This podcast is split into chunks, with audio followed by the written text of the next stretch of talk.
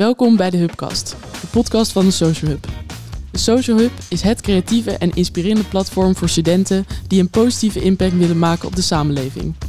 Ik ben Sietke van Bakel en in deze podcast spreken we studenten, docenten en onderzoekers over waarom het belangrijk en leuk is voor studenten om mee te doen. En willen we jou als luisteraar inspireren om ook impact te kunnen maken. De podcast wordt mede mogelijk gemaakt door Erasmus+. Deze aflevering spreek ik met Lisanne te Brinken. En dat zag ik ook daarna weer bij mijn studenten terugkomen. Dat het stukje um, met andere ja, de normen en waarden van de mensen om jou heen en waar je zelf misschien bent opgegroeid, dat die verbreding, dat dat ook juist iets kan zijn wat heel waardevol is. Zij is universitair docent op de afdeling klinische psychologie op de Erasmus Universiteit. En daarnaast is ze academisch leider van het Healthy Start programma Jongerenparticipatie en Betrokkenheid. Ik heb het met haar over wat jongerenparticipatie precies betekent en ze vertelt wat het jou als luisteraar kan brengen. Dus luister vooral verder.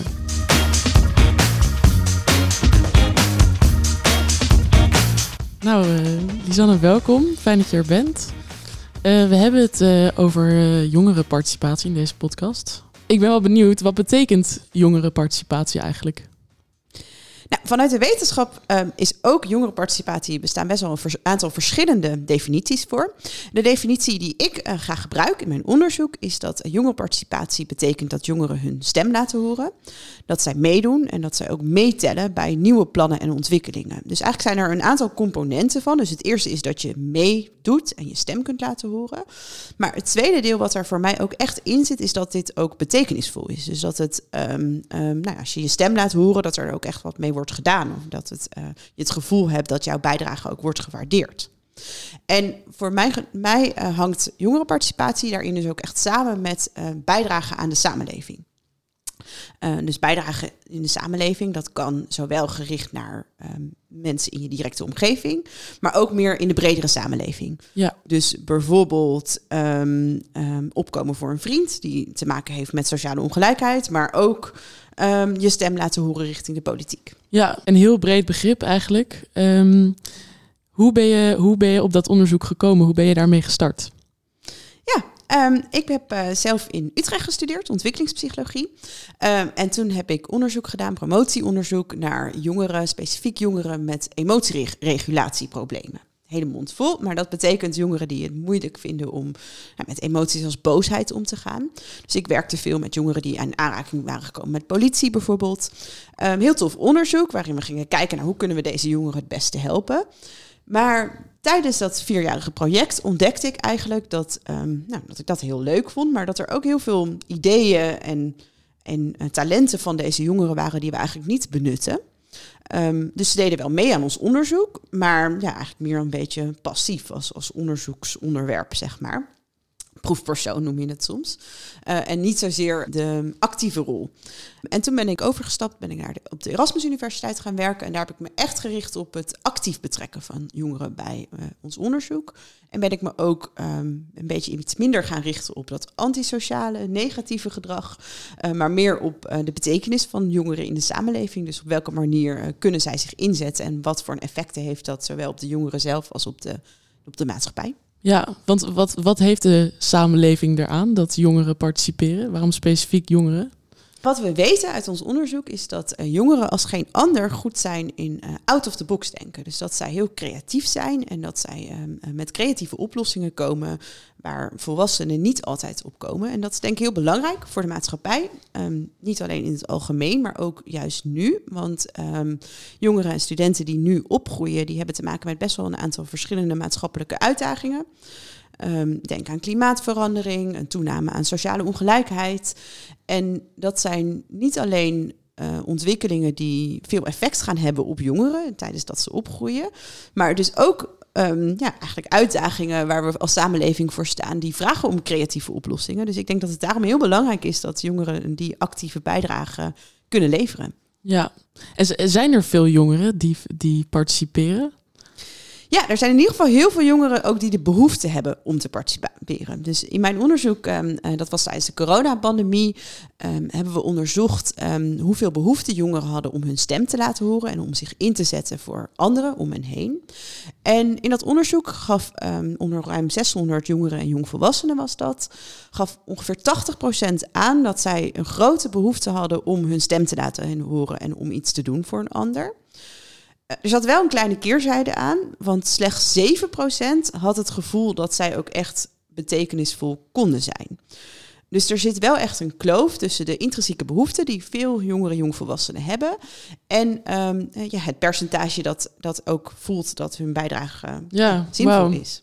Groot verschil. Wat, wat vind je daarvan, dat grote verschil? Ja, ik denk dat dat ook een, een kansen biedt uh, voor ons als samenleving om, om te kijken hoe we, hoe we die stem van jongeren meer een, een actieve rol kunnen geven. Um, en ik vind het dus zelf ook intrigeert me dat uh, vanuit wetenschappelijk oogpunt om, om dat, uh, dat die verschil, die kloof beter te kunnen begrijpen. Ja. Ja, want je gaat in je, in je onderzoek ook in op um, wat het effect is op jongeren zelf, op het welzijn van jongeren. Um, kun je daar iets meer over vertellen?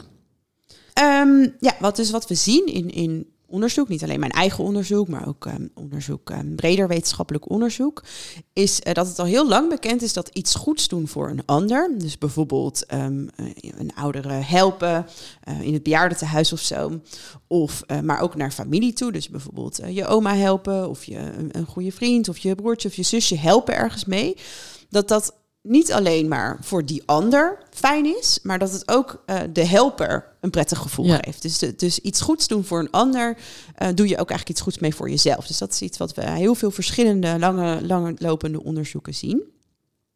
Um, dus iets goeds doen voor een ander heeft een positief effect op je mentale welzijn. Maar wat we ook zien is dat dat stukje betekenisverlening, uh, dus dat je het gevoel hebt dat als je iets doet, dat dat, dat, dat ook um, ja, wordt opgepakt, ook andersom een effect heeft. Um, dus dat betekent dat jongeren die aangeven dat, dat hun bijdrage eigenlijk niet zo wordt gewaardeerd, de omgeving, in het Engels noem je dat devalued contributions, Um, dat hangt samen met meer negatieve aspecten van mentaal welzijn. Dus bijvoorbeeld een toename van uh, gevoelens van depressiviteit. Ja. Dus die twee kanten zijn daarmee uh, echt wel belangrijk.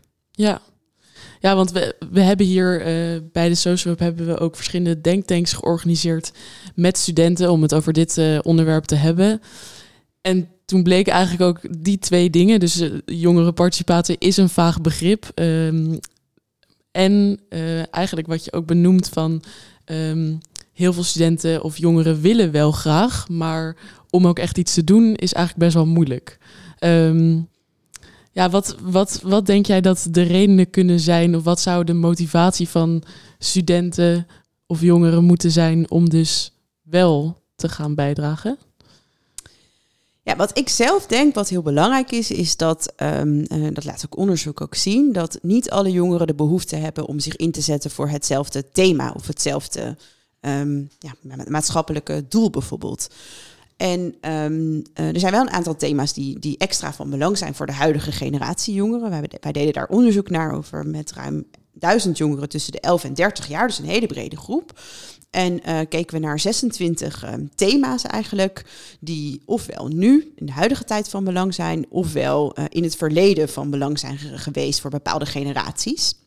En we zagen dat de huidige generatie jongeren, thema's die zij echt van belang zijn, uh, zijn klimaat, ruimte voor diversiteit en inclusiviteit um, en mentale en fysieke gezondheid van jezelf, maar ook van anderen in de omgeving. Maar dat kan dus verschillen tussen personen. Dus de ene jongere die vindt het misschien uh, vindt het, is heel gemotiveerd om zich in te zetten voor het thema klimaat. En de andere is heel gemotiveerd om zich in te zetten voor het thema mentale gezondheid. Dus ik denk dat een, een eerste stap echt wel kan zijn, uh, is om dat bij, nou, bij jezelf ook te onderzoeken van wat is nou een thema wat, um, ja, wat mij uh, naar, aan het hart ligt. Ja. Um, en om te kijken of je daar dan um, op een manier aan kan, kunt bijdragen. Ja, dus het ligt eigenlijk heel dicht bij jezelf, jongerenparticipatie. Ja, ja, zeker. Ja, dus vinden wat bij je past. Ik, we hebben het er veel over gehad en we horen ook wel van studenten dat het ook wel moeilijk is om te weten wat je wil of weten wat je kan doen. Um, hoe bepaal je dat? Ja, ik denk dat het heel goed is om ook bij jezelf na te gaan wat de motieven zijn. Dus de motivaties die onderliggend zijn aan, aan waarom je iets wil betekenen. Ik denk ook dat dat misschien wel een betere motivatie is dan als je iets graag wil doen voor je cv. Of ehm, hoe zie jij dat? Ja, er is uh, wel onderzoek wat kijkt naar, naar wat zijn nou de motieven die onderliggend zijn aan, aan waarom mensen bijdragen aan, aan, uh, aan een ander. Dus waarom ze iets goeds doen voor een ander. En daar kun je onderscheid maken tussen meer um, altruïstische motieven. Dus dat zijn echt het doel, dat noem je altruïstisch altruïstisch um, uh, iets doen voor een ander, um, zonder dat je verwacht dat het ook iets voor jezelf oplevert. Dus echt vanuit de behoeften van de ander ga jij je inzetten. Um, je kunt ook meer proactieve doelstellingen hebben. En dat is inderdaad dus meer omdat je er zelf um, beter van wil worden. Of dat je er beter uit wil zien. Of dat andere mensen jou, ja, dat van jou zien en denken, oh, die is goed bezig. Um, en het is, naar mijn weten, is niet zo dat de een nou per se een beter motief is. Dus vaak is het ook wel een combinatie van motieven die eraan onderliggend kunnen zijn. Uh, maar kan wel interessant zijn ook om te onderzoeken bij jezelf. Ja. ja, en het kan natuurlijk ook een beetje samengaan. Want we horen ook wel dat dus jongeren en studenten graag iets willen doen, maar dat ze er ook misschien wel iets voor terug willen. En uh, vaak kunnen ze dat ook wel krijgen. Um, maar een beetje die combinatie van dus uh, zoeken wat bij je past en uh, er misschien ook wel iets voor terugkrijgen, is misschien wel de, um, het beste wat er is dan. Ja, dat klopt. Ja, dus wij, ik werk ook veel uh, samen met, met jongeren. Dus die gebruiken we dan als echt experts in, in ons onderzoek. Dus dat ze niet alleen maar een vragenlijst invullen, maar ook echt meedoen aan ons onderzoek. En daar zien we dat ook wel, dat, dat sommige jongeren vinden het, dat op zichzelf heel motiverend. Uh, maar anderen kunnen we er ook iets voor terug doen. Dus of in de vorm van een financiële compensatie, of um, um, dat je het op je cv kunt zetten natuurlijk. Ja, dus ik denk dat een combinatie van meerdere motieven, dat dat uh, heel mooi is. Ja, en um, heb je een voorbeeld van dat je zelf een studenteninitiatief tegen bent gekomen waarvan je dacht, wow, wat goed en uh, wat inspirerend? Ja, zeker. Um, ja, ik heb ook, ben ook zelf, uh, toen ik zelf student was, heb ik ook me ingezet voor, uh, voor anderen. Dus ik heb uh, vrijwilligerswerk gedaan. Ik studeerde psychologie, dus ontwikkelingspsychologie. Um, en um, toen ben ik een tijd lang vrijwilliger geweest bij de dak- en thuislozenopvang voor moeders, gezinnen eigenlijk die dakloos waren. Nou, voor mij was dat dus ook iets waarvan ik dacht, nou, hier heb, dit, heb ik iets aan voor op mijn cv. Mm. maar ik merkte toen dat het ook mij eigenlijk heel veel bracht breder dan dat. Dus dat het ook nou, betekenisvol was en dat ik er iedere keer met heel veel plezier eigenlijk heen ging. En um, later kreeg ik ook de kans toen ik um, als docent ging werken om, om dat initiatief ook te koppelen aan een vak. Dus toen hebben we er een vak omheen gebouwd waarop niet alleen, um, ja, waarop voor de, voor de dak- en thuisloze opvang ieder jaar een stuk of tien studenten daar vrijwilliger werden. en dat ze dus ook daar reflectieopdrachten aan koppelden. Um, zodat ze ook um, ja, gingen nadenken over, over wat, wat, wat is dit nou? Waarom, wat maakt dat ik dit een betekenisvolle ervaring vind? Wat leer ik ervan zelf? En wat zijn vaardigheden die ik leer, die ik ook breder in mijn leven kan toepassen? En uh, onderzoek laat dat ook zien eigenlijk. Dus dat, dat bevestigt eigenlijk ook dat stukje van dat het niet alleen maar gaat over um, dat je je kunt inzetten, maar dat als je ook erop kunt reflecteren met elkaar. Dus als je kunt nadenken, kunt praten met elkaar of over van um, ja, wat is het effect hiervan nou op mij?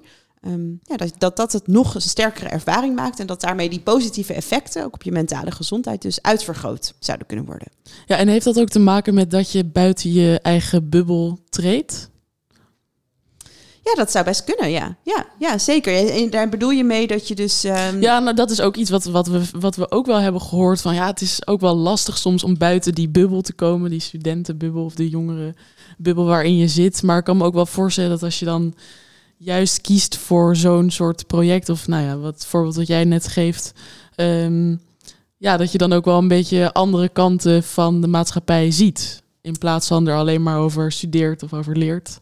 Ja, zeker. Ja, dat zag ik ook. Dat zag ik zelf. En dat zag ik ook daarna weer bij mijn studenten terugkomen. Dat het stukje um, um, het andere, ja, de normen en waarden van de mensen om jou heen en waar je zelf misschien bent opgegroeid, dat die verbreding, dat dat ook juist iets kan zijn wat heel waardevol is. Ja, absoluut. Ja.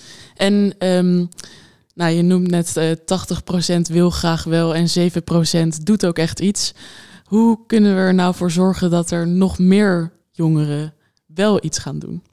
Ja, nou ja, um, wij hebben niet echt gekeken naar wie doet het nou. Dus die 7% had het gevoel dat hun bijdrage ook waardevol was. Um, um, en ik denk dat dat stukje, dus het gevoel hebben dat jouw bijdrage ertoe dat, toe doet, dat dat heel belangrijk is. En dat is dus eigenlijk iets wat we, ja, wat we gezamenlijk kunnen, kunnen veranderen. Ja, en dat is dus eigenlijk vooral als je iets vindt wat een beetje bij je past, dan heb je dat effect misschien ook wel sneller.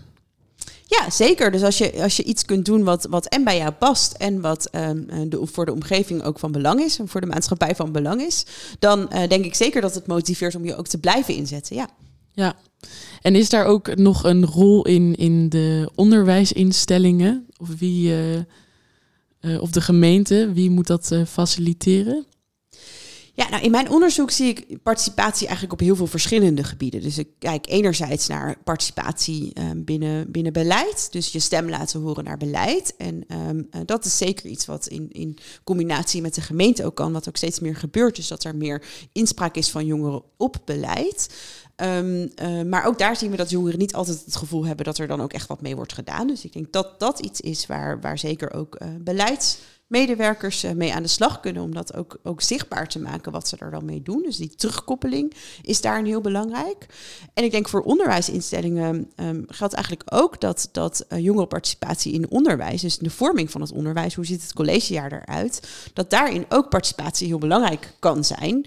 Um, um, en dat dat heel mooi is om dat gezamenlijk vorm te geven en, en studenten ook, de, ook de, de, ruimte te geven om, om te kunnen participeren. Ja, en, en kan jouw onderzoek daar ook nog iets in bieden? Het is een soort van inspireren van beleidsmakers bijvoorbeeld.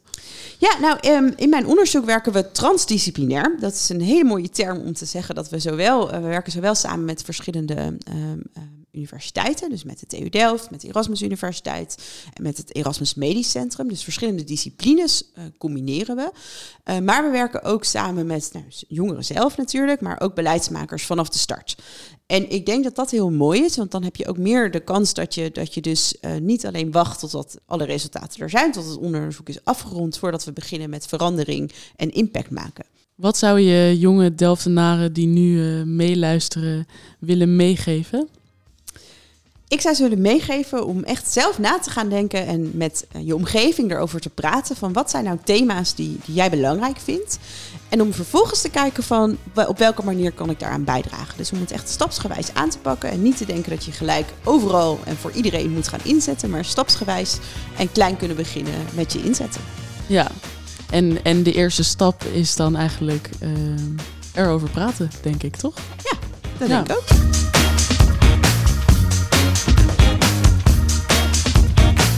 Leuk dat je hebt geluisterd naar de eerste aflevering van de Hubcast. Als je meer wil horen, luister dan de volgende aflevering, waar ik in gesprek ga met Rob Mudde, vice-rector magnificus van de TU Delft. Die vertelt waarom het prima is om je bachelor in vier jaar te halen, als je het maar goed doet. Wil je weten hoe? Luister dan naar de volgende aflevering.